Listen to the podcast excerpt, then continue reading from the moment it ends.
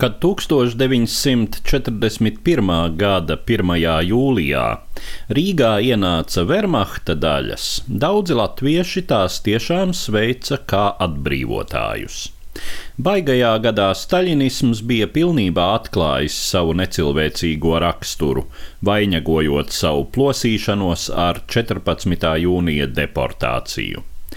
Tikai ja kādam šķita, ka jaunie Rīgas un Latvijas saimnieki, nacisti, kaut kādā mērā ir humānāki par padzītajiem bolševikiem, šīm ilūzijām visai drīz pienāca gals.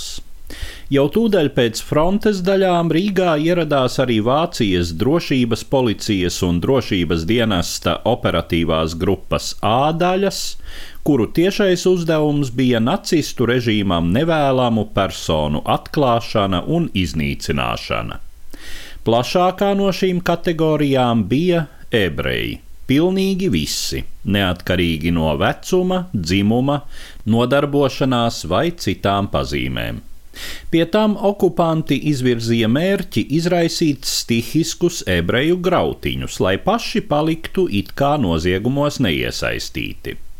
Par signālu rīkoties bija jākļūst zīmīgāko ebreju identitātes objektu sinagogu iznīcināšanai.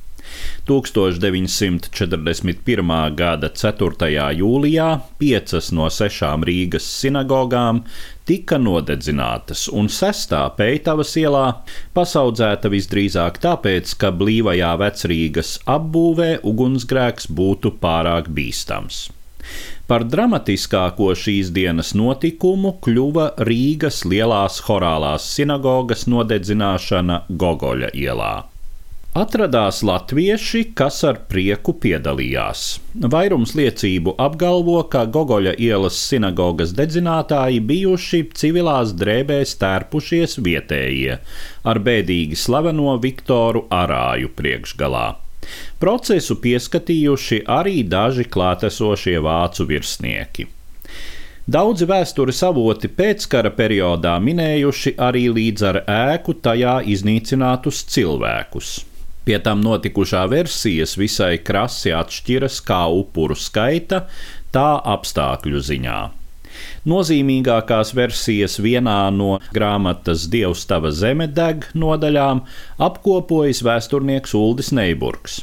Vispopulārākā ir versija, kā Gogoļa ielas dievnamā patvērušies apmēram 300 ebreju bēgļi no Lietuvas, kurus dedzinātāji tur iesprostojuši un dzīvus sadedzinājuši. Šo versiju atbalsta piemēram vēsturnieks Marģeris Vestermanis.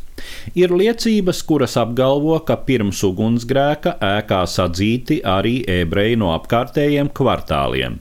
Tiek minēts arī daudz lielāks upuru skaits, padomju laika avotos pat līdz diviem tūkstošiem. Tomēr neapstrīdami pierādījumi šādiem šausminošiem skaitļiem līdz šim nav gūti ne 1979. gada Hamburgas zemes tiesas prāvā, kurā notiesāja Viktoru Arāju, ne kādos arhīvu materiālos.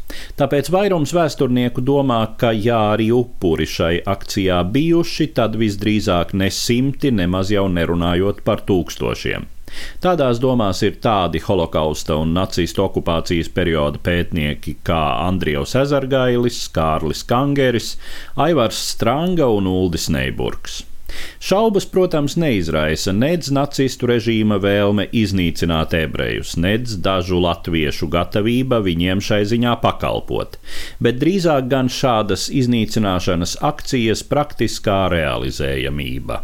Ja nacistu iestādes bija cerējušas, ka liesmojošās Rīgas sinagogas kļūs par signālu pūlim, kas metīsies slepkavot, izvarot un graut savus ebreju līdzpilsoņus, tad šādas gaidas nepiepildījās.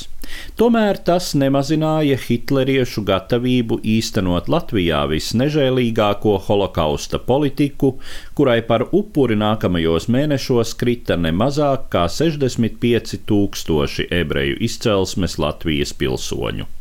Tā ir lielākā nevainīgu cilvēku masu slepkavošana nevien Latvijas 20. gadsimta vēsturē, bet iespējams mūsu zemes vēsturē vispār stāstīja Eduards Liniņš.